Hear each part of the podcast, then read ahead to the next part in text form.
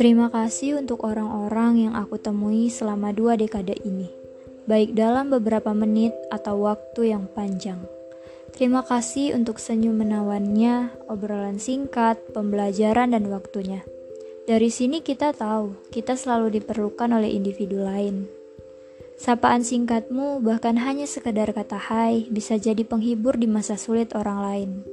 Kalian hebat, karena sudah melakukan kebermanfaatan selama ini kalimat semangat, untayan doa dan banyak salam perpisahan dapat membuatku bersyukur bertemu kalian.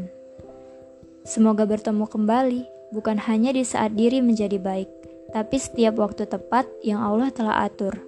Karena bertemumu adalah hadiah penuh hikmah yang Allah berikan.